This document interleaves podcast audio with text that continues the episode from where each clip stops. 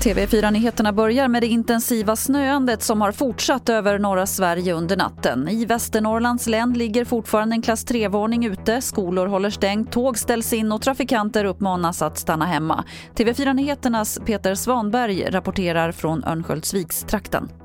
Ja, jag kan säga att jag har varit båda händerna på ratten definitivt. Och när vi i Umeå-trakten så var det väl i alla fall en 40-50 meter du kunde se framför dig. Sen när vi kom ner mot Örnsköldsvik, framförallt på öppna områden där så ja, man var tvungen att, och, nästan pallnita och stanna av ibland för att det, man har inte sett någonting i, i vindbyarna som har kommit. Regeringen skjuter till ytterligare 5,5 miljarder kronor för att kunna fortsätta den omfattande testningen av covid-19. I december testades mellan 200 000 och 300 000 personer i veckan och regeringen vill ha kvar den kapaciteten under lång tid framöver. Pengarna ska också gå till smittspårning. Och vi avslutar i USA där man nu skärper säkerheten i huvudstaden Washington, bland annat kring kongressen där man imorgon ska rösta om president Donald Trump ska ställas inför riksrätt. FBI varnar för flera väpnade väpnade protester i landet och nödläge är utlyst i huvudstaden till den 24 januari.